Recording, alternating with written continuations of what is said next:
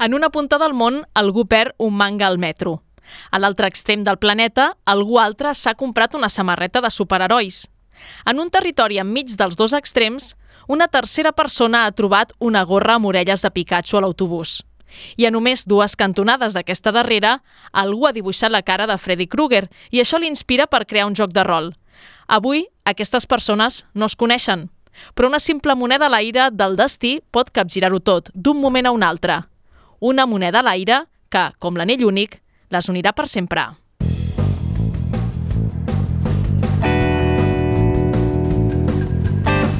Quimèric, amb Karen Madrid.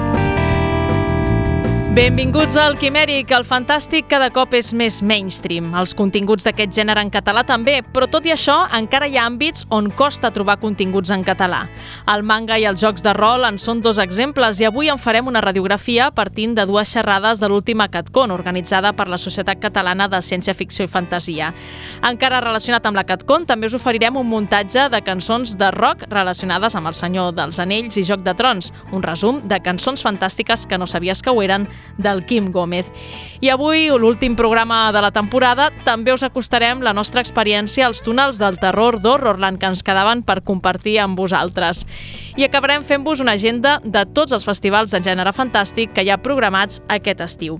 És el que donarà de si el 22è quimèric d'aquesta setena temporada que fem possible amb l'Iker Mons i la Marina Tovella a la producció, la Clara González a les xarxes socials i el Toni González a les vies de so. Comencem! Quimèric, el programa per als culturalment dispersos.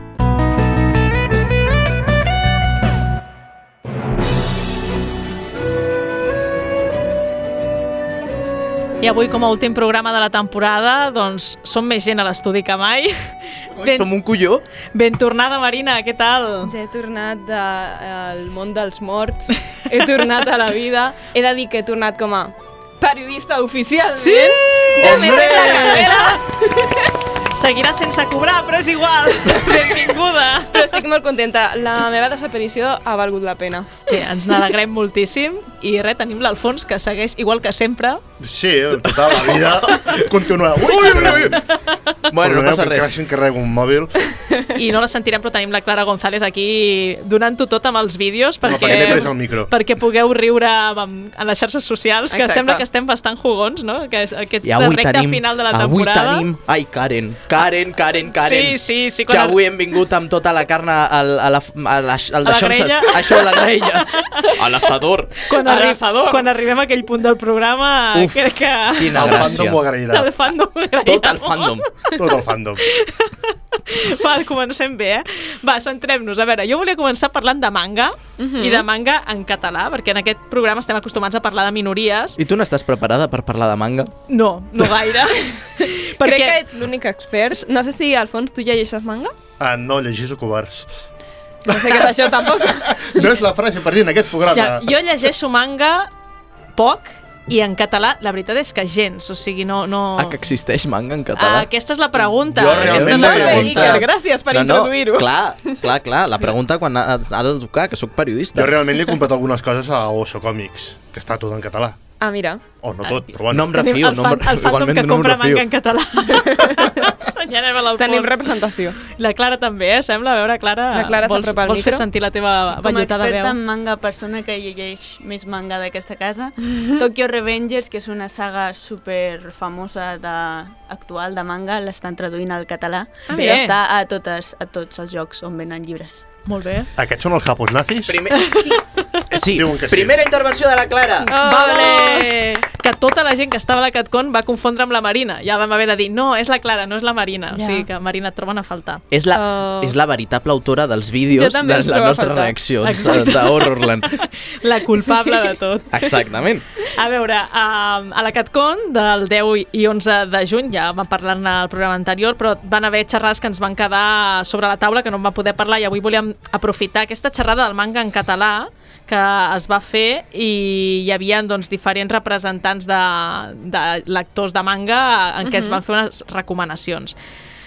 Com sabeu, al Japó, en lloc d'agrupar per temàtiques els manga, els agrupen pel públic al que va dirigit. És I- curiós, això. Les demografies. Sí, les demografies. I, de fet, van començar aquesta xerrada precisament explicant doncs, què, què és aquesta, aquesta demografia i um, parlant també de les demografies dirigides a dones. Creus que hi haurà algun moment en què no calgui explicar què és una demografia? Sí, espero que sí, No. però... No? No. Ha Sempre sigut bastant... Bueno, sempre ha hi haurà gent com la meva mare, però bé, no, Bé, clar, entre coi- gent que en sap, no, potser ja no caldrà.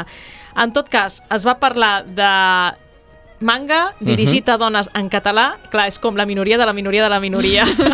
I la Rincat posava aquestes xifres per posar-nos per ubicar-nos una mica. Hi ha unes 84 obres. També, si us hi fixeu, la majoria són de fantasia. La veritat és que en demografia femenina hi ha poca ciència-ficció, cosa que estaria molt bé que en- canviés. Llavors us he portat uns quants gràfics perquè us feu una mica la idea. ¿vale? Norma i Arechi són les que més publiquen, les altres pues, hi ha poca cosa.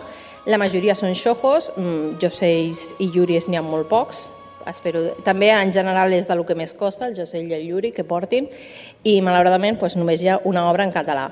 Sé que 84 obres pot semblar que són moltes, però aquest matí ho he mirat i només Norma eh, té eh, 70 obres de demografia masculina de fantasia i ciència-ficció. Només Norma, sense comptar totes les altres editorials.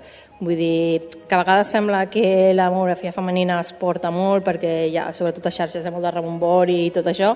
Mm, No és veritat. Es segueix portant molt més demografia masculina del que es porta la demografia femenina. També hi ha una altra circumstància i és que sembla que les dones llegeixen de tot, llegim de tot, tot i tenir un gènere específic per nosaltres, Home, menys mal, no? però, sembla, però sembla ser que els homes no. Aquest és el tema. I Però així, seremos básicos, chica. Sí, així ho va defensar el Josep Maria Llaurador de El Mangacine. Normalment el, les obres que van dirigides al públic masculí se sol mm, pensar que va a un públic general, no? I en canvi les obres dirigides a un públic femení se sol pensar que només van al públic femení. I això mm, passa amb les revistes també de manga, eh, poc en els gràfics que faciliten a les empreses al Japó de quina part de públic és masculí i quina part és femení, la majoria de vegades veureu eh, obres com One Piece, com Haikyuu, com altres que són o, o no majoritàriament, però una gran part del públic és, és, és femení, en canvi, en les obres que venen de demografia femenina, mm, no ho sé, doncs la Nakayoshi, la, no sé, eh, eh, la Desert, altres, altres revistes, eh, majoritàriament les compren eh, dones o, o nenes. No? Seria això, i no em vull allargar més, però vull dir que fer aquest incís perquè de vegades associem, eh, o sigui, creiem que les demografies són líquides i que tothom pot llegir de tot, però resulta que qui llegeix de tot majoritàriament són les dones i les noies i els homes tenim aquest complex encara de eh, només podem llegir coses que estiguin adreçades a nosaltres. Total, que som uns farsants. És lamentable, tio. Me cago en nena. Clar, perquè al final els homes tenen 15 demografies i les dones només tenim una. Sí. Suposo que el feminisme el que ha portat és que les dones sàpiguen que poden llegir de tot. En canvi, falta com... No sé si un feminisme pels homes, però que els homes, homes també sàpiguen Marina, que poden llegir Marina, de tot. que sí, que somos unos básicos de no, no, mierda. que no. però la Marina té raó, els homes necessiten saber això. Sí. Clar, al final no passa res per llegir romàntica, que, un- que un home llegeixi romàntica. A veure, al final tothom s'enamora, no? A ver, dos chicos besando... No. Dos chicas besando... A ver, esto sí. És que, claro, Claro. així no. Sí, no, això és l'acceptació de, de l'homosexualitat a través del Pornhub. No queda bé. Uh! D'això, que Ha heu de llegir de tot. l'home. Ha, ha parlat l'home. La masculinitat. El mascle. En aquesta xerrada, a més, també van fer una llarga llista de recomanacions. A mi, sincerament, com que anava tan perduda, se'm va fer eterna, saps? Era com, vale, Això és per apuntar. orientades al públic femení, Uh -huh. i n'hi havia molts que potser no pensaries que són demografia, no? Vull dir que deies, ui, això ho cataloguen així, ostres. Al públic jo tenia al costat l'Ivan Ledesma Uh -huh. i, i m'agradaria compartir una recomanació que nosaltres vam qualificar d'antirecomanació. A veure, és la d'un manga que es diu Orange. En aquest cas, a Mans de Santuari, eh, trobareu elements religiosos, però si sou anticlericals una mica com jo, eh, tampoc passa res, perquè eh, és una mica els japonesos sempre s'ho peten tot, val? Eh, perquè evidentment no forma part de la seva tradició, si, és, si fan algun atemptat, diguéssim, eh, simbòlic, no passa res. M'estàs no... dient que el que m'explica a Jan no està ben explicat i no és real. Bueno, no m'hi ficaré, però vull dir que hi ha vegades que no, no són 100% fidels, però en tot cas aquí tenim eh, un protagonista masculí, tornem al que dèiem abans, un protagonista masculí no determina la, la demografia, que és el Setsuna, en aquest cas, que és una mena de reencarnació d'un àngel, que és l'Alexiel. Uh, L'Alexiel és, un, és un àngel que, bé, havia... És que no, tampoc us vull fer molt de spoiler, però bàsicament és, és, un, és un àngel que estava adormit, que estava caigut, un àngel caigut, aquest mite de l'àngel caigut, que segurament la gent que sabeu més de religió doncs sabreu definir millor que jo. I, eh, doncs això, eh, està, enamorada, està, està enamorat de, de la seva germana, per tant, un tema incest, també està ficat aquí, i eh, jo la definiria com una obra amb un art fantàstic, la Kaori Yuki és una, és una autora fantàstica, però també si voleu xafartejar altres obres seves, però, però això, eh, tindreu fantasia, àngels, eh, això, poders sobrenaturals i romans en aquest sentit de, de gent que no saps ben bé perquè estan enamorades eh, entre ella, quan tècnicament no hauria de ser així, però, però està, està fantàstica. Llavors, clar, dèiem que aquesta recomanació és té religió però no tanta, té acció però no tanta, té no sé què però no tanta, i al final tu deia, però quina puta bajona és aquesta? és o sigui... per la gent que estigui in the middle. Clar, però qui està in the middle, no? Continuant amb el tema home, és posar la punteta. Exacte. Jolín. De fet, t'ho juro que van sortejar diferents exemplars de, de diferents còmics i un era aquest i, i l'Ivan i jo érem plan, ah, què, nos toque este? Anem a llegir-lo perquè, clar, a veure que la, la, la recomanació bajona que on va, no? que, he de dir que estan penjades de les xerrades de la CatCon ja en el perfil de YouTube de la Societat Catalana Sense Ficció, per tant, si voleu veure la llarga llista de recomanacions que es van fer, la teniu allà. Mhm. Mm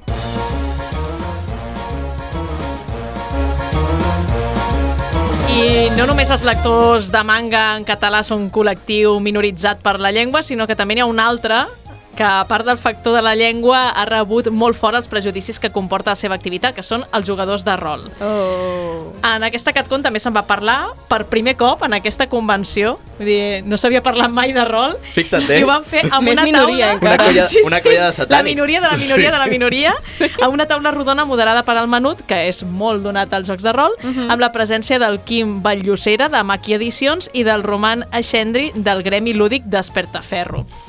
I bé, després d'una primera part de la xerrada en què van explicar què és el rol i quins tipus de jocs hi ha, perquè clar, si no hem parlat mai d'això, potser hi ha gent a, a la sala que es perd, Oh, i tant. van parlar de la situació actual d'aquesta disciplina i des de Maqui Edicions el seu responsable en va fer la següent radiografia. Hi ha el tema de eh, jocs de tauler en general, que ha tingut una explosió molt forta, i això també ha fet arrossegar, diguem, com a, com a joc de taula, també ha fet arrossegar els jocs de rol. També amb la pandèmia, eh, el joc de rol és un joc que és fàcil de jugar a través de, de, la, de càmeres i tal, eh, la qual cosa també ha fet pujar. Eh, jo, a mi m'han comentat llibreters i tal que eh, arrel de la pandèmia eh, hi ha hagut una explosió de ventes de jocs de rol. També se li ajunta doncs, eh, sèries com Stranger Things, Big Bang Theory, ara la pel·lícula de D&D, que no sé si portarà massa gent cap als jocs, però com a mínim sí que mostraven com se jugava i qui era que estava jugant i, com, i què, què passaven allà, eh, ha fet que hi hagi un ressorgiment per mi important de, dels jocs de rol. De fet, l'altre dia mirava, mirava eh, dades i eh, Hasbro, que és la companyia que té Wizards of the Coast, que té D&D, eh, Hasbro, eh, que l'últim any ha estat baixant en ventes, eh, però en canvi eh, la, la Wizards està pujant. I l'estat actual dels jocs de rol arriba després de tot un procés en què pràcticament no se'n trobaven. Te diria que comença tot amb joc internacional, eh, la crida de Cthulhu, eh, el Senyor dels Anells, inclús van fer una edició res, re, reduïda per a, per, a, per a nens, o més bàsica, També van treure amb propostes almogàvers, així propostes ja més, més d'aquí, almogàvers i tirant-lo blanc.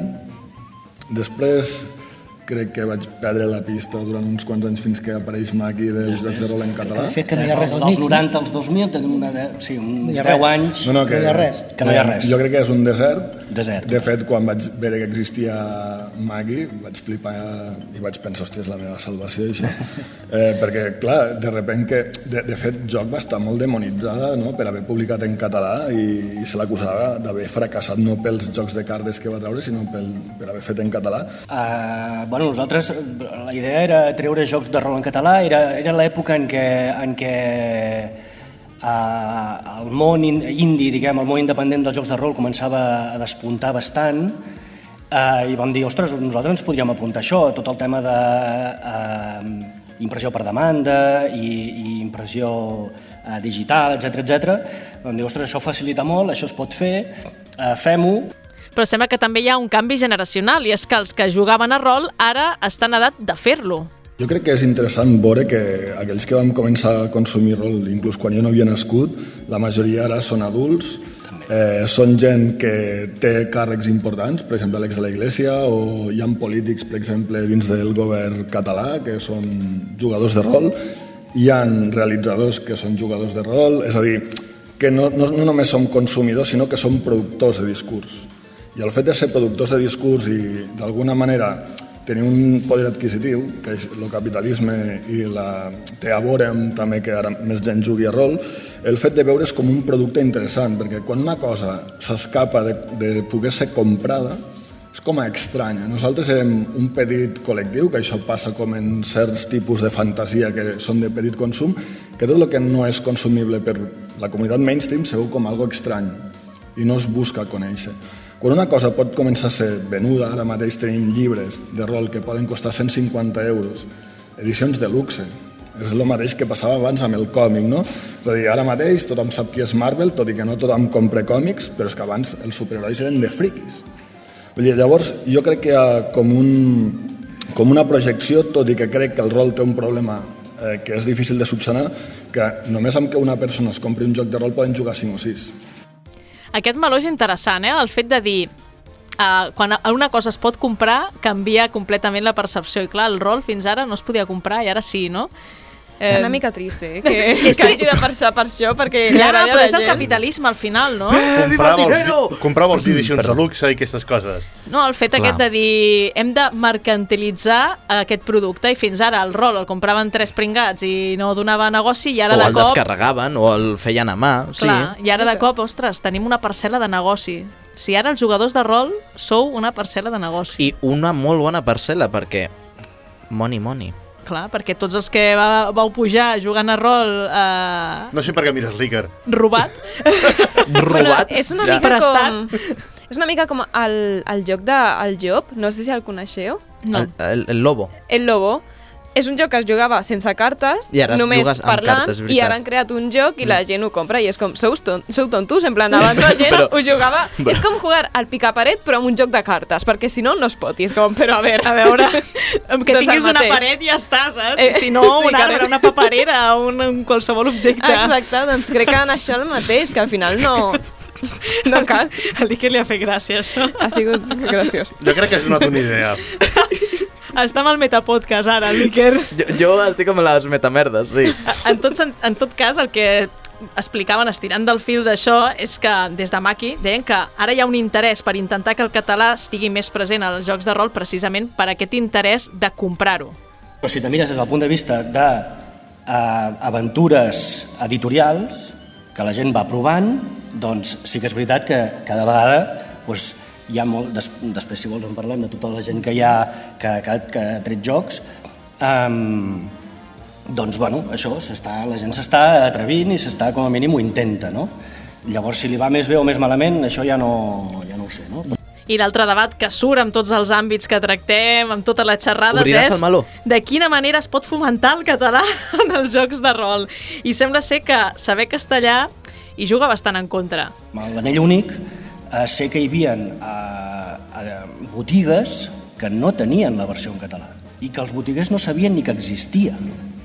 i que la, la gent els anava demanant allà i mm, no, no, això no existeix, te l'has de quedar en castellà.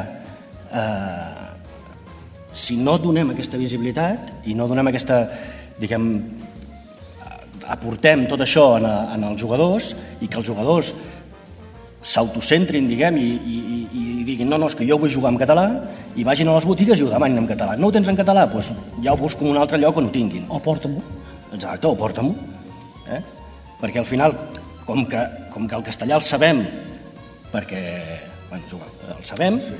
eh, eh, doncs, eh, bueno, ens costa, no ens costa res canviar. A mi aquest moment em va fer molta gràcia. El català el sabem perquè... Bueno, és igual. I com que el sabem, el castellà? No ens ficarem en això. El sabem.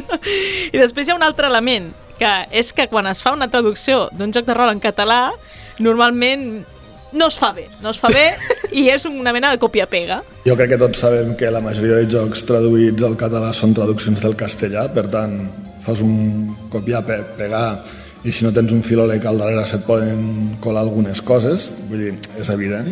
Eh, les noves tecnologies ja sabem que estan facilitant moltes coses, però a la vegada també estan provocant aquest tipus de situacions, perquè, ja et dic, jo per exemple, i no vull dir noms, però eh, crec que totes les edicions de, que he llegit de jocs que, estan, eh, que, que són del castellà eh, se, se llegeixen eh, algun deje de, de, del castellà i després, en algun cas, se nota que hi ha hagut un copiar i pegar. Tu, Alfons, volies aportar alguna cosa no, sobre les traduccions? Sí, ah, jo m'han de traduccions antigues. El, abans de Dungeons and Dragons segona edició amb l'Arco de Cruz, que és en anglès crossbow, per tant, ballesta, Ah, el van traduir en castellà a Arco de Cruz, Arco fantàstic. De Cruz. Una altra que hi havia hormigues guisantes, en, en anglès peasants, o sigui, oh. uh, pueblerinos, per dir-ho així. Hormigues. Clar, però el problema és que no? això està passant també quan ho tradueixes del castellà al català, que això és sí. el més trist, que dius, ostres. I al final, com que no ho tenen, ho demanes que t'ho portin des d'Anglaterra o algun altre lloc i en anglès, ja directament la versió original. I si absurdes del castellà sí. olímpicament que, i ja està. Jo no? vaig començar a jugar a rol en català, vaig passar al castellà i al final a l'anglès. I ara estic recuperant ja el, el camí invers. A pensar que anaves anant al rus i a l'alemany ja. Uh, no, però Depèn bueno, de l'idioma no d'origen. Aquí sabem que els friquis tenen el B2 mínim de moltes llengües diferents. Això és veritat. Com l'èlfic. Com l'èlfic. o el Klingon. El Klingon. Per què? Doncs no ho sé. Però ho pots posar al currículum. Per, bueno, és igual. Bueno, però és igual. El, el del desperta ferro. A més, per acabar-ho de rematar tot, plego, tot plegat, com que juguem més en castellà que en català, tenim problemes per fer-ho català.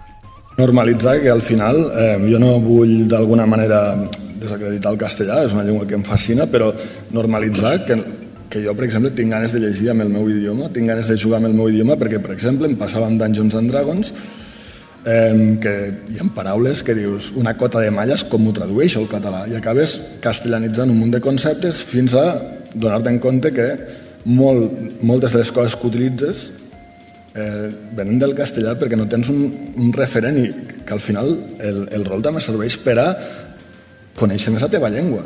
Ausberg, es diu, es diu Ausberg, una Ausberg, cosa. no sabia. Ausberg.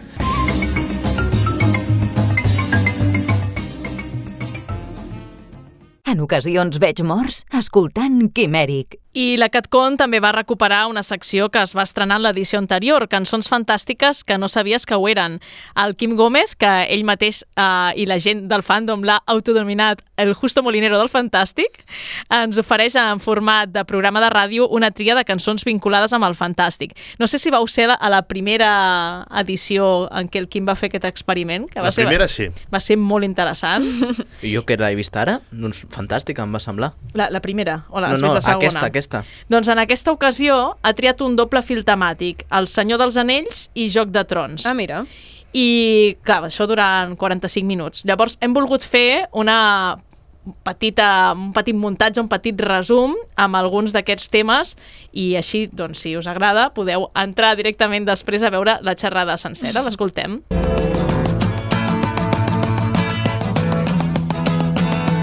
Led Zeppelin està considerada una de les bandes de rock dur més importants i populars dels anys 70, coneguts per hibridar gèneres musicals. Sentiu com en aquest tema es fonen el folk i el rock dur. Jimmy Page, el guitarra, i Robert Plant, el vocalista, són grans admiradors de l'imaginari de Tolkien, fins al punt que Plant va batejar el seu gos amb el nom de Strider, el sobrenom d'Aragorn. Per això, Led Zeppelin té unes quantes cançons amb referències a l'obra de Tolkien, com ara Tangerine, Misty Mountain Hop, The Battle of Evermore, Over the Hills and Far Away o Ramble On, el tema que estem sentint.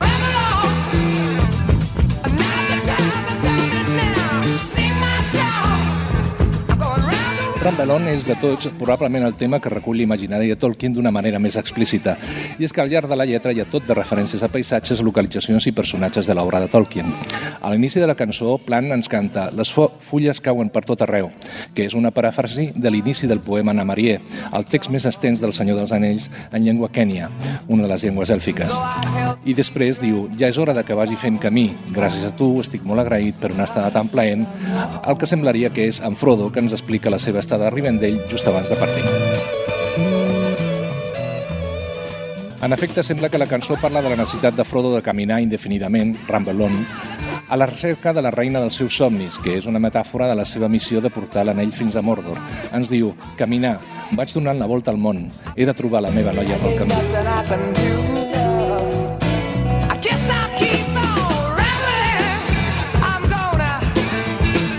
Com a anècdota final d'aquesta cançó us explicaré que Ralph Basky, el que va ser el director de la versió animada del Senyor dels Anells, quan estava fent un film anterior a aquest, que es deia Wizards, Uh, va contactar Led Zeppelin per incloure tots els seus temes que tinguessin referències a Tolkien a dins del film, cosa que evidentment va entusiasmar els membres de la banda. Malauradament no ho van veure mai, perquè incompatibilitats contractuals entre les productores ho han impedit.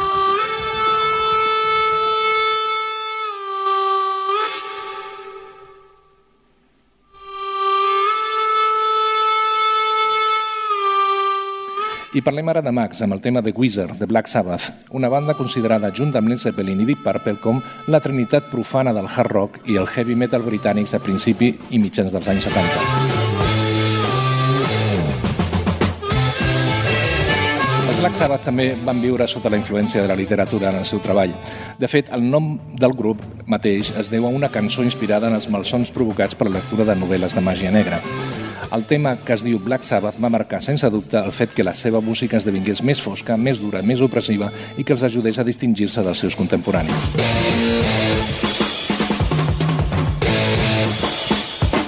En aquest tema, malgrat que no se l'esmenta pel nom, tothom assumeix que el mag de qui es parla és en Gandalf, cosa que el baixista i lletrista d'aquest tema, Geezer Butler, va confirmar anys després en una entrevista. La cançó ens explica l'efecte benèmol del mag, que porta roba divertida i una campaneta i que sense parlar va escampant la seva màgia, foragitant dimonis i fent feliç a la gent.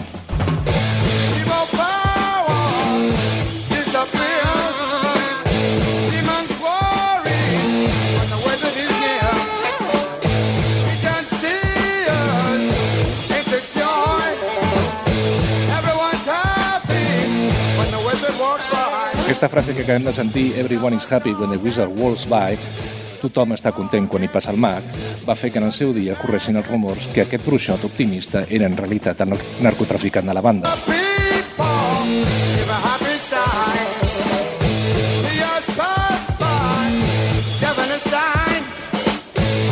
Final del tema el bruixot marxa, deixant un sol que brilla, núvols que passen, gent que sospira i se sent bé. I tot això, com diu la tornada, sense parlar mai, només segueix caminant, escampant la seva màgia.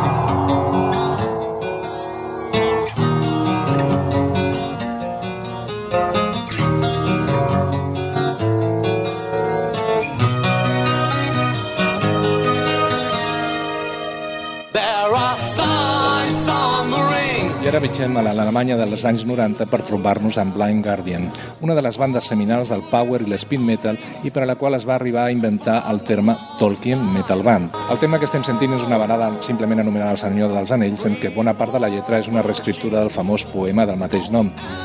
Tres pels reis de, dels elfs als en llum, nou els mortals que ploren, set anells als grans a les seves sales fetes de pedra, un anell per a la mà del senyor Fosc assegut al seu tron.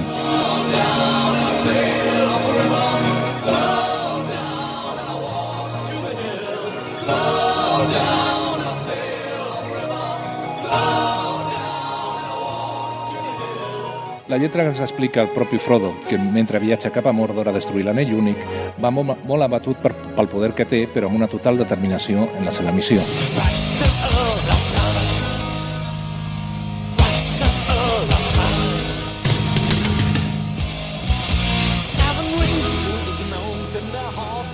Podem dir que estem parlant de la banda amb més temes en referències al món de Tolkien de la història. Tenen temes com Majesty, on Frodo ens parla sobre Aragorn, a la cançó del Bard ens explica la història del Hobbit, i per si fos poc, van fer tot un àlbum conceptual, Nightfall in the Middle-earth, basat en el Silmarillion. Potser caldria un episodi sencer de cançons fantàstiques per parlar en detall de Blind Guardian, però potser que ho deixem per un altre dia.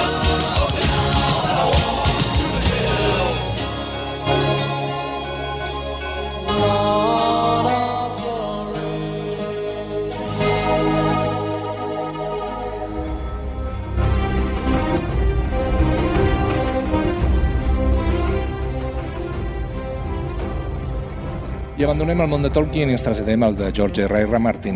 La cançó de Jellyfolk i la seva adaptació com a sèrie de televisió han tingut un ressò enorme. En quant a l'impacte en la música, encara és aviat per dir-ho. No fa tant que la sèrie es va deixar d'emetre i els llibres estan encara per terminar-se. En qualsevol cas, el que sí que us puc és portar-vos uns quants temes inspirats en Joc de Trons. I no em refereixo als cameos, com veieu, d'artistes com Ed Sheeran fet de soldat dels Lannister, Wilco Johnson de Dr. Feelgood fet de Sir Eileen Payne, Gary Lightbody de Snow Patrol fent de soldat dels Bolton o el Sigur Ross tocant per Geoffrey Baratheon. No em refereixo a això, em refereixo a una banda sonora encarregada pels productors de la sèrie com a avançament a la darrera temporada. Sota el títol de For the Throne, pel tron, es van publicar 14 temes, inclòs un de la Rosalia. A continuació sentirem alguns d'ells. Sacrifice, birds eyes, saw the signs, cold your Maren Morris es interpreta Un regne d'un, A Kingdom of One. Morris és una cantautora nord-americana popular en el gènere country i que hibrida habitualment amb elements de pop, R&B i hip-hop.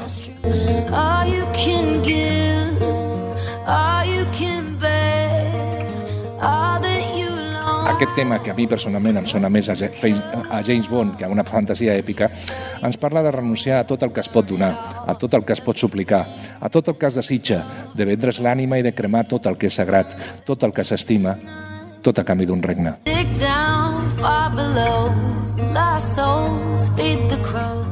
Hell's fire keeps you warm. La lletra no esmenta per nom a cap personatge i podria servir per a qualsevol dels que en un moment o un altre aspiren a seure al tron de ferro, al tron d'un regne de ponent unificat. Podrien ser Daenerys Targaryen, Cersei Lannister o Jon Neu, que són els protagonistes principals del vídeo de la cançó, fet que reforçaria aquesta idea. So you wanna play God? Come on, is that all you got? Come on, would you sell your soul? Però la veritat és que la pròpia Mary Morris va piular. Vaig canalitzar la meva Daenerys Targaryen interior per a aquest tema. I sí, si prenem atenció, veurem que les referències a cremar-ho tot a la lletra per tenir dret al seure tron de ferro i governar els regnes tenen molt més sentit si pensem en Daenerys, nascuda de la tempesta, reina de Merín, Calici de la gran mar d'herba, mare dels dracs, la no cremada, trencadora de cadenes.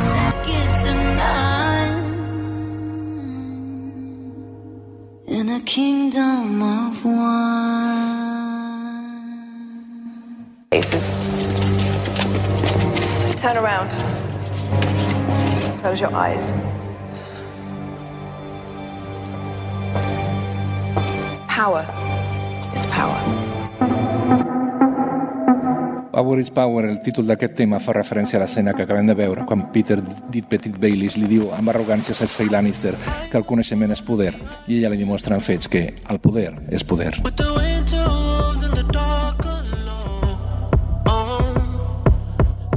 Aquest és un tema en què col·laboren tres artistes d'origen diferents. Són el canadenc The Weeknd, la cantant nord-americana Sa i el raper nord-americà Travis Scott. Però Power is Power no parla de Cersei ni de Petit. De fet, cada un dels tres artistes interpreta un personatge diferent. The Weeknd parla per la boca de Jon Neu, Za fa de Daenerys Targaryen i Travis Scott interpreta el rei de la nit.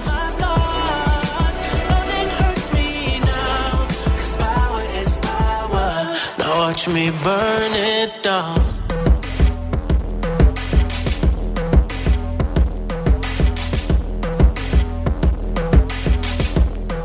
Vaig néixer de la gel i la neu, amb els jocs d'hivern, sols a les fosques. La nit més salvatge em vaig convertir i sabràs que ets meu quan arribi el silenci.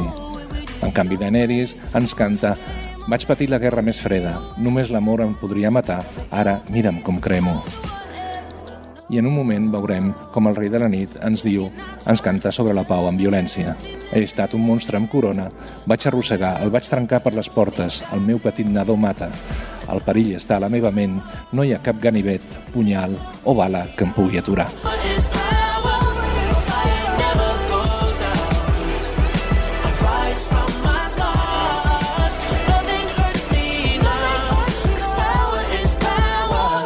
Un ganivet al meu cor no em va poder frenar. Pel que poder és poder, el foc no s'apaga mai. Jo m'aixeco de les meves cicatrius, res em fa mal ara. Pel que poder és poder, ara mira'm com ho cremo.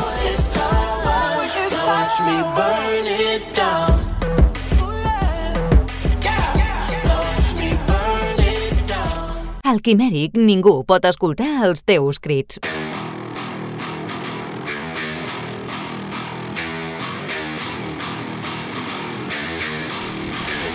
Toca cridar.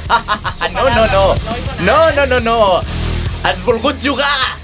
I aquest és el joc. Que no se m'obre el micro, nen. Va, va, obre-li, no passa res. Què tal, com esteu? Jo no, ara, ara, no em sentia. És que li he demanat al principi. Ah, Pediste caos y he venido.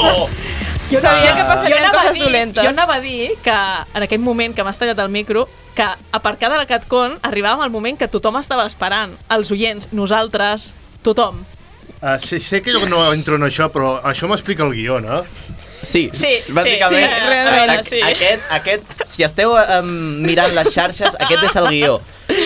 És una captura de WhatsApp Sí, bàsicament, eh, diguéssim que. Horrorland ens inspira. I missatges de veu. sí, sí. Jo, és que Horrorland jo ha sigut el canvi del programa, eh, Jo realment. veritat- Sí, un, un abans i un després. Veritablement gaudeixo editant aquestes um, cròniques. I clar, mentre les eh, edito, vaig comentant, escolta, Karen, això és boníssim, Sí. um, madre mía, com, com l'haries aquí...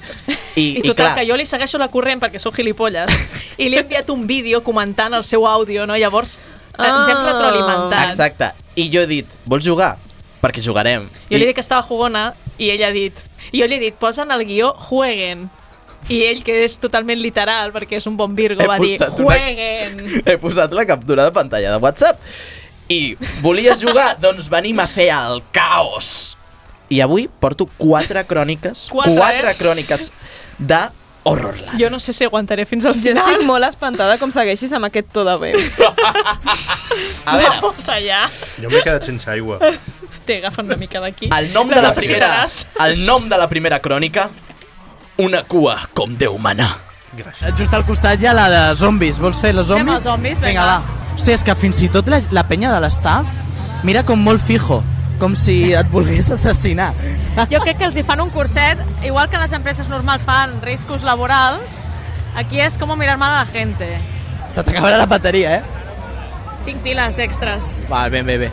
Meves del Mercadona, perquè a la ràdio s'han acabat les piles, però eh, és que s'ha fer un concurs públic cada cop que s'acaben les piles. És pitjor que Horrorland, això. Dius, no, s'han acabat les piles. Oh, no! Just abans d'una roda de premsa. Ah! Els treballadors de Ràdio Sabadell quan van agafar la gravadora i no hi ha piles. ¿Te sabes un chiste? No, som molt dolenta amb els acudits. ¿Qué le dice un zombie a otro? Saps rassar? No. Em van ensenyar, però ja no... Doncs crec que ho necessitarem. Ah, sí? Eh, tu amigo, tío. ¿Tienes algo que decir? No, no me parece bien. Te quiero. Me ha hecho un corazón. Oh, ya está, ya qué está. bonico. Ya está. Aquí només entren zombis i pirats. ¿Nosotras qué som? Frikis del montón. Va, hombre, que queremos entrar, chico. Queremos entrar. Queremos entrar. ¿Por qué nadie me sigue? No tens prou punx. M'està venint de gust fer l'extrem només perquè em despullen.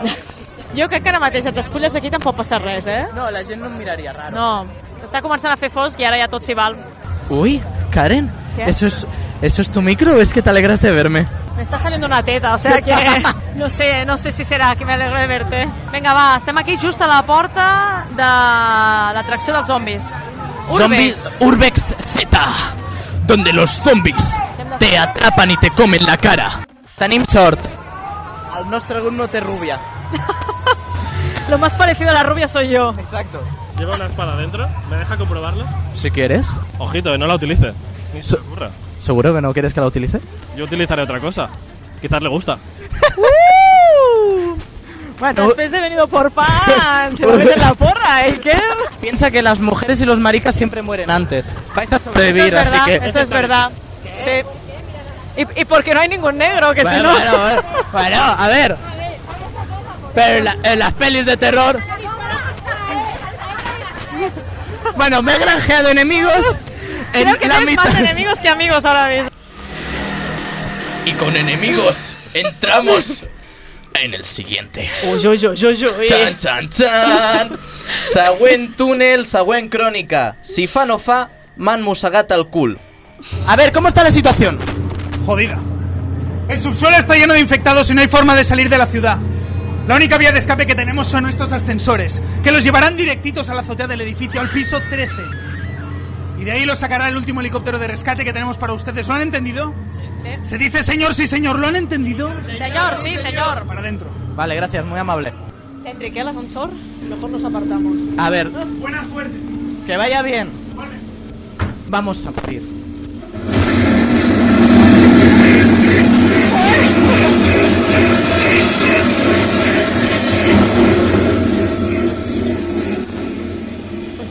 Ascensor, ¿eh? Señores, hemos caído... hemos caído en el subsuelo. Venga, va, tirad. Uy, la máquina de Coca-Cola con un zombie dentro. A ver, en, en una situació com aquesta, inaudita, tu tira cap endavant.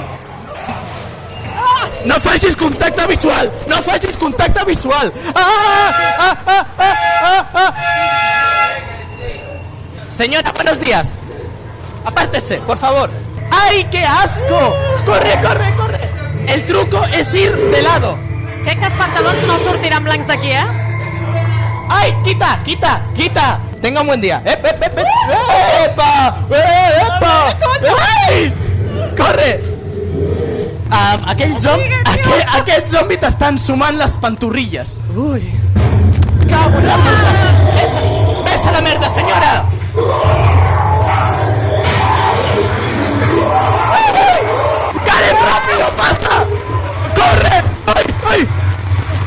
¡Contra la pared, rápido! ¡Tú! ¡Sí! ¡Eh! Corre, corre, corre, corre, corre, corre, corre, corre, corre, corre, corre, corre, corre. ¡Señora! ¡No grite! ¡Uh! Un cocodrilo gigante, eso es lo que se espera, ¿no? De mí. ¡Ah, ah, ah! Me, me he electrocutado un poco. Solo un poco.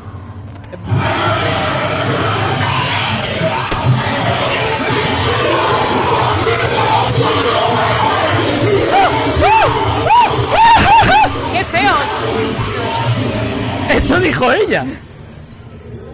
Tenemos un zombie a la derecha. ¡Epa, epa! ¡Ay, epa! ¡Que me toca! ¡Qué asco! ¡Nos ha tocado! ¡Nos ha tocado un zombie! ¡Ay, ay! ¡Corre, corre! ¡No te lleves el micro, señor! ¡Por favor! Antes salíais del container. Yo tenía controlado el container. ¡Corre, corre, corre! ¡Corre, corre, corre, corre, corre, corre, corre, corre, corre! Bueno. Ha salido bien. Quants corre, corre, corre has dit? He comptabilitzat 132 corre, corre, corre durant totes les cròniques de Horrorland. Uau! És com un chupito por cada corre-corre. I total, No acabem el programa, totalment. tio. O sigui, 396 corre. Sí. Següent... Havia de dir alguna cosa, jo. Anem a veure, si us plau, serietat. Següent túnel del terror. Mare meva. Necessito tequila, mandangues mexicanes i altres misteris gringueros. Ah, estem anant, em sortirà el Dia de los Muertos. Oh, m'encanta. Vinga, va. Molt fan jo del tema mexicà, eh? Doncs cap als mexicans, jo crec que en podem fer un. Un far de riure. Uh, uh, uh, uh. Què va passar? ¡Espérense acá, pendejos! ¿Dónde se creen ustedes que van? No se burlen de nuestros muertos, ¿sí? Es un lugar sagrado, un poco de respeto. Alguien que lo entiende un poco. Muy bien, les pongo en contexto. Bienvenidos, bienvenida. Hoy, como sabrán, es Día de Muertos, ¿sí? Pues vamos a celebrar esta festividad donde nos reencontramos con las almas de nuestros antepasados. Pero no es todo tan bonito. A veces también cruzan almas que nadie, absolutamente nadie, quiere recordar. Así que ándense con mucho cuidado y no sean unos pendejos y unos descarados. Creo que va a salir alguien de la barra. ¡Ah! ¡Un tequila! ¡Hombre, vale! ¡Ah, puto borracho! ¡Vale, déjame en paz! ¡Eh! Tengo buen día. Perdone, ¿usted, ¿usted es mexicano? ¿Yo? ¿Dónde es usted? De, de, de, de Guadalajara, la verdad, no soy Uy, mexicano. gringo, ande, avance. Vale, señor, disculpe. A ver, ese señor se va a levantar claramente. Te estoy viendo, sé que eres real. Ale- ¿Qué vas de chingón? No, hombre, no. Voy de periodista. Buenas tardes. No de golpes. ¡Ay! Me ha tocado. Buenas tardes. No, no ha sido él que ha salido de la nada. Vale, ti- tira, tira, tira, tira, tira. ¡Ay, la puta! Són en 3D les pintures. Hem passat la meitat del, del túnel. Ei.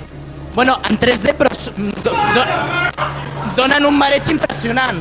¡Ay, hemos salido, menos mal! I després de salir, efectivament, anem a la següent, a l'últim túnel del terror d'aquesta temporada. Em fa, ara fa molta pena, ara, eh? Doncs, bueno, si, si de cas, si vols, no, no el tirem. No, va, estem, estem aquí mitja hora parlant. Podem no tirar-lo i esperar fins al pròxim Horrorland. No. No. Eh, Hem esperat tota la temporada i volem sentir aquest túnel de, del terror, en Serà veritat. el millor o és per omplir? A veure, jo, Sí a tot. jo crec, jo crec que Survival jo Maze va ser millor, molt bo. el millor ja ha sonat. Sí. El millor ja ha sonat, sí, crec que sí. I, I per les reaccions... És que el Survival Maze és És, heavy, eh? ostres, ho van passar malament. És- La propera amb Te'n webcam. recordes que l'any passat et van, se't van trencar les ulleres? No, no, en aquest també, si me les van ¿Qué tirar. dices? Sí. Hijo, Van so- ahorita te las, te las gafas un poco más No, fuerte. t'has de posar un cable d'aquells, saps? com els- com els jaios. Anem al següent Va, i últim túnel del terror. Que to ah, sí, toca Què aquell... coi? Era el nou, oi? Sí, Ah, el vale. títol. Què coi hem de fer? Cago amb tot, dos pallassos i un alcalde que ens persegueixen. És una de les noves atraccions de Horrorland. Per de l'extrem, que no la trepitjarem ni de broma. No, ni parlar-ne. Més que res perquè no podríem guardar la gravadora. Mira, jo no sé de què va aquesta que anem ara, però aquest compte enrere que se sent i que hem sentit tota l'estona mentre sopàvem m'està posant molt nerviosa. El que tranquil·litza una mica és eh, el, senyal Happy Flowers de Illa Fantasía, parc aquàtic. Prestad atención. Esta experiencia consta de tres niveles. En cada nivel hay cuatro generadores. El objetivo del equipo es reparar los cuatro generadores antes de que termine el tiempo. Para reparar los generadores se deberán pulsar los botones correctos. Atención, en cada nivel hay dos exterminadores. Si los exterminadores os cazan, os acercarán una pistola a la cabeza y os marcarán. És la calavera que tu volies, Si no? los cuatro generadores No, yo voy la tita. están en verde, pasaréis al siguiente nivel. Ok. No queda muy claro, ¿no? ¿Alguien sabe morse? No, no. Organizarse, dice. La majoria no sabem ni què hem de fer encara. Exacte. No ens ha quedat clar el vídeo. No corráis, no gritéis, no lloréis. Ser muy, muy sigilosos. Dividirse en el espacio y distribuirse las tareas. Sí, Al igual. te organizas. Y seguimos. Ey. Sí, primer nivel. Los colores de las calaveras de los tótems pueden ser su salvación. Segundo nivel. La altura de los objetos seleccionados les llevarán a la siguiente puerta. Tercer nivel. Replicar el orden de los cadáveres puede ser su última oportunidad. ¿Queda claro? No. No importa, morirás igualmente. ¿Los cadáveres son de otras personas que han jugado? Sí. Vale, gracias. Vamos a morir. ¡Vas a morir! ¡Cállate! No me estoy enterando muy bien de lo que tenemos que hacer. Anem a per un dels generadors? Aquí Vinga, va, va, va. A les altures. A veure. Altures de què? La a tele. veure. Això són ganxos. Els ganxos jo ho entenc, però... La, eh... Què, Conya, què, està? Què és el que hem de fer exactament? ¡Corre, corre, corre, corre, corre! ¡Corre, corre! ¡Tregua, coño! ¡Ay, ay! El señor payaso es Mal rollero, el tio. A veure, A veure, la tele, és, la tele està al terra. L'acabo de veure. I els guants, els Els guants. guants estan a dalt. Vale, o sigui, el guants guant. a dalt, tele a terra, què més? El, el sac a baix. Ah, vale. A baix. I això què és? No sé. Un rellotge. Mireu al terra. Ui! A veure... a ver, no? Sí, l'hemos hecho bien, corre. Vale, bueno, de moment ho estem fent bé. Eh, hem entès més del que es pensàvem. Em, Karen, no et vull posar nerviosa. El tenim darrere. Allà n'hi ha un altre. Allà n'hi ha un Va, altre. va, va, va. M'encanta perquè de moment aquesta l'hem fet al tuntun. Sí, aquest tio ho ha fet a la voleu i va encertar, no ho entenc. Per aquí, gràcies. Gràcies, muy amable. Un dels exterminadors ens ha dit la direcció. En plan, sou tontos, Sou, tio. sou idiotes, vinga, va. No sabeu. Replicar el orden de los cadáveres. Tira, tira, tira, tira, tira, tira, tira, tira, tira. Dale vueltas. Espera, espera, espera. Ahí está, ¡Ah! ¡Cúbrete la cabeza! Ay. Vale, vale, vale, somos tándem. Karen, somos tándem. Vale, cadáveres, aquí hay cadáveres, vamos. Venga, a por ellos. Oh, mierda, por aquí. No, no, no, espera, espera, espera. Ahora, ahora. Me han dado, me han ¡No! dado. ¡Karen, te han disparado! Tengo una Vale, calavera. ¡Ay, coño, qué susto! Hem d'anar, per allà? Cuidado, Karen, otra vez, que te van a disparar de nuevo.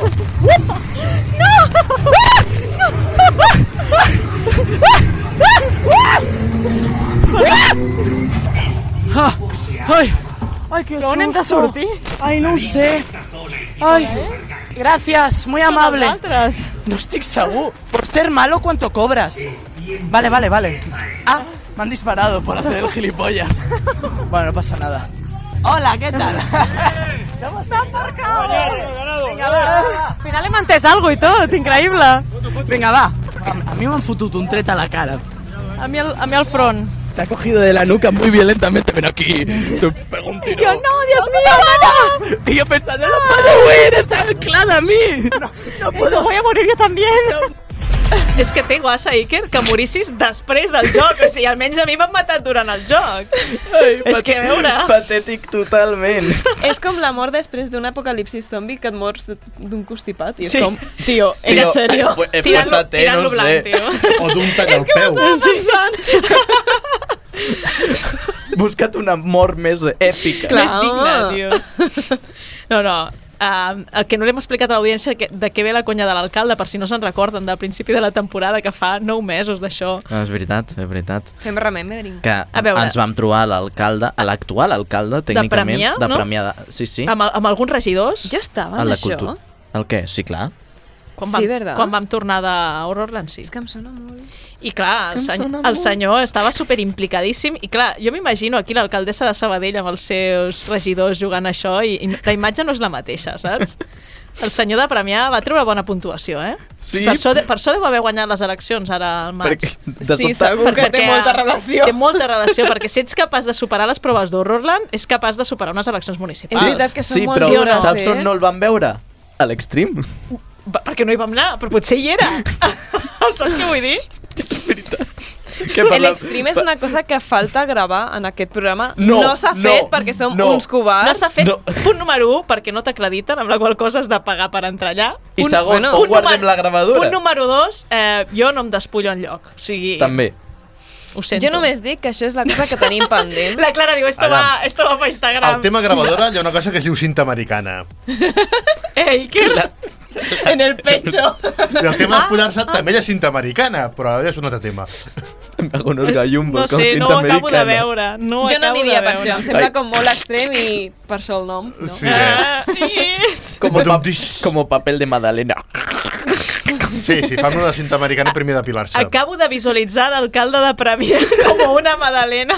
No, s'han de visualitzar algunes coses. Imagina't també amb la, amb la vara de l'alcalde per tant zombis. Mm. Pa, pa, pa! La Home, cosa es clar. posa interessant, eh? Jo he de dir que si és per mi, repetim, eh? Aquest any, o sigui que... Creieu que podríem anar tot l'equip? No ho sé, li preguntarem Si al David sí. Moreno, organitzador de... Si ens deixa respons- Màxim portar- responsable d'Horrorland. Hem fet Les- dues cròniques amb diversos programes. Això mereix diverses acreditacions. Diverses. Ho deixem aquí perquè, clar, està a punt d'acabar el programa i hem d'informar encara de tota la xitxa que hi ha aquest estiu Ah, de que- fantàstic. que cal informar, Que no és bueno. poc, sí. L'agenda. Em sembla que és el primer cop que fem servir el vocal de l'agenda perquè normalment no anem tan a pinyon no, amb les coses, però resulta que hi ha un munt de festivals aquest mes de juliol Tu ataca. i toca, toca recomanar-los a la gent. Perquè la gent no es quedi a casa. que no us quedeu a casa, que a més n'hi ha molts que són gratis. Això mateix, jo po- porto Però tinc aire condicionat a casa. Mm. Fons, aquesta no és l'actitud. No, no. Va, el primer festival que ens espera és el Crip Show. Vinga, va. Havia de ser aquest 1 de juliol. I però, què ha passat? oi, Ajuntament de Badalona no ens has concedit els permisos Eh, censurem la- l'insult i han hagut de fer un comunicat públic de eh, suspenem tot el que no sigui a el Círcul, que és el Vaja. teatre on es projecten els curs. Per tant, tota la part literària, entre elles, i estic molt indignada, el recital al cementiri, que per No! mi és com el millor acte del Crip Show. Jo volia anar a això. Doncs mira, Justament és lo Pues millor. mira, ara no vull. Vas i et queixes a l'Albiol, vale? Va, Vinga, sí, va. ja ho Doncs faré. Li Sí. Li donem, eh, aquest senyor? Li donem, li donem. Li donem. Però bueno, El eh, fantàstic, sempre ens el queda... fantàstic no es toca, El eh? 7 i 8 de juliol eh, sí que es projecten curtmetratges al Teatre del Círcul i el dia 13 es fa l'espectacle de clausura amb l'Agustí Bosom, que sempre acostuma a musicar pel·lícules en directe i és un espectacle doncs, molt xulo. Mhm. Aquest any la pel·li que musicarà és Chemi Bevia, ni idea de què és, no. però bé, eh, segur, que, segur que està bé si ho ha fet ell. Llavors, um, aquest any he tingut el plaer de ser el jurat del Crip Show. Uh. I... Bueno, ja me contaràs, eh, I, querida. I, bueno, porto 6 hores de curs vistes i m'estic tornant molt I com boja. la, la Déu. Ja, clar. He perdut la poca cordura que em quedava, però bé, sí. Ah, que en tenies. Hi ha, hi ha molta qualitat. Això sí Després que... de 7 anys en el quimèric. Això sí complicat, que, eh? sí que he de dir que la qualitat és innegable i que ho tindrem bastant negre quan ens reunim al jurat per negociar qui guanya, però bé. A ganivetades, no passa res. El següent festival coincideix amb el, amb el Crip Show, 7 i 8 de juliol. Perfecte. És l'Infest, a Rubí. Um, també tindrà un tastet el dia 6 de juliol amb els Premis Fora de Pla, els antics Premis Arkham.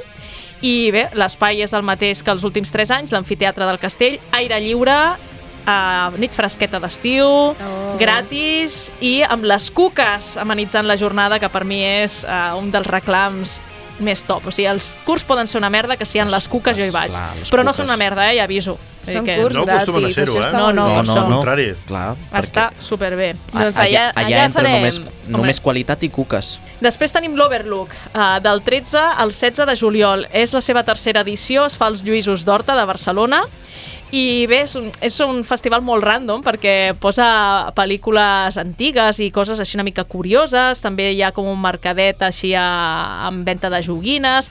I um, dins de tot a, el concepte estrany Mhm. em ha sorprès el premi d'aquest any el Premi Aleta de Tauró perquè el donen a Joan i Roger Pere Ah. Bé, no sé, és curiós. Ah. Ah, L'any passat el van donar a Carra Elejalde, uh. -huh. aquest any a- al Joan i Roger Pere. O sigui Bueno. que, bé. Bueno, Eh, buscarem per internet. Sí que us puc dir que l'any passat hi vaig anar i, i va ser molt divertit l'ambient que hi havia, vull dir que molt bé. Vale. Llavors tenim el Fantos Freak del 17 al 21 de juliol, No del queden Turonet. findes lliures, eh, de moment.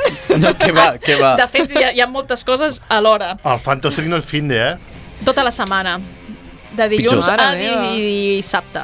No s'ha de treballar per fer el fantàstic. Exacte.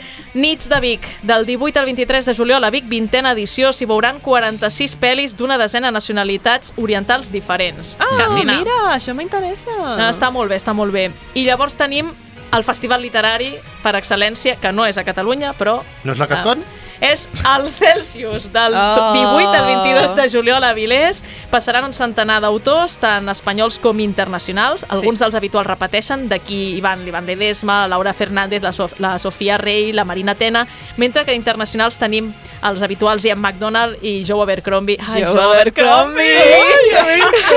I aquest any també venen altres noms grans com el David Mitchell i, de, i la Viti Dar. I per acabar, ja ens- anem al setembre, perquè encara no haurem tornat, la FanCon a l'1, 2 i 3 de setembre a Palau, Solità i Plegamans. No dona temps de més, o sigui que espero que us hagueu apuntat i ens veiem als festivals.